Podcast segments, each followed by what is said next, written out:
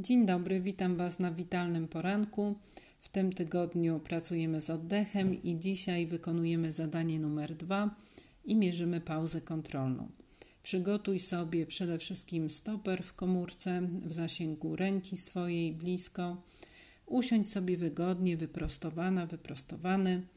Zrób teraz normalny wdech i wydech przez nos, po czym zatkaj nos palcami, by wstrzymać oddech na bezdechu. Włącz stoper i policz, ile sekund minie, zanim odczujesz pierwszą wyraźną potrzebę oddychania lub pierwsze mimowolne ruchy mięśni oddechowych.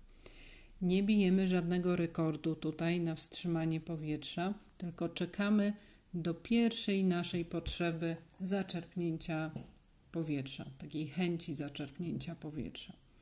Po pauzie kontrolnej pierwszy wdech powinien być taki sam jak przed pomiarem, czyli normalny wdech i potem wydech przez nos. Zapisz koniecznie wynik pauzy kontrolnej i podaj mi go w komentarzu pod tym zadaniem. Życzę Ci powodzenia.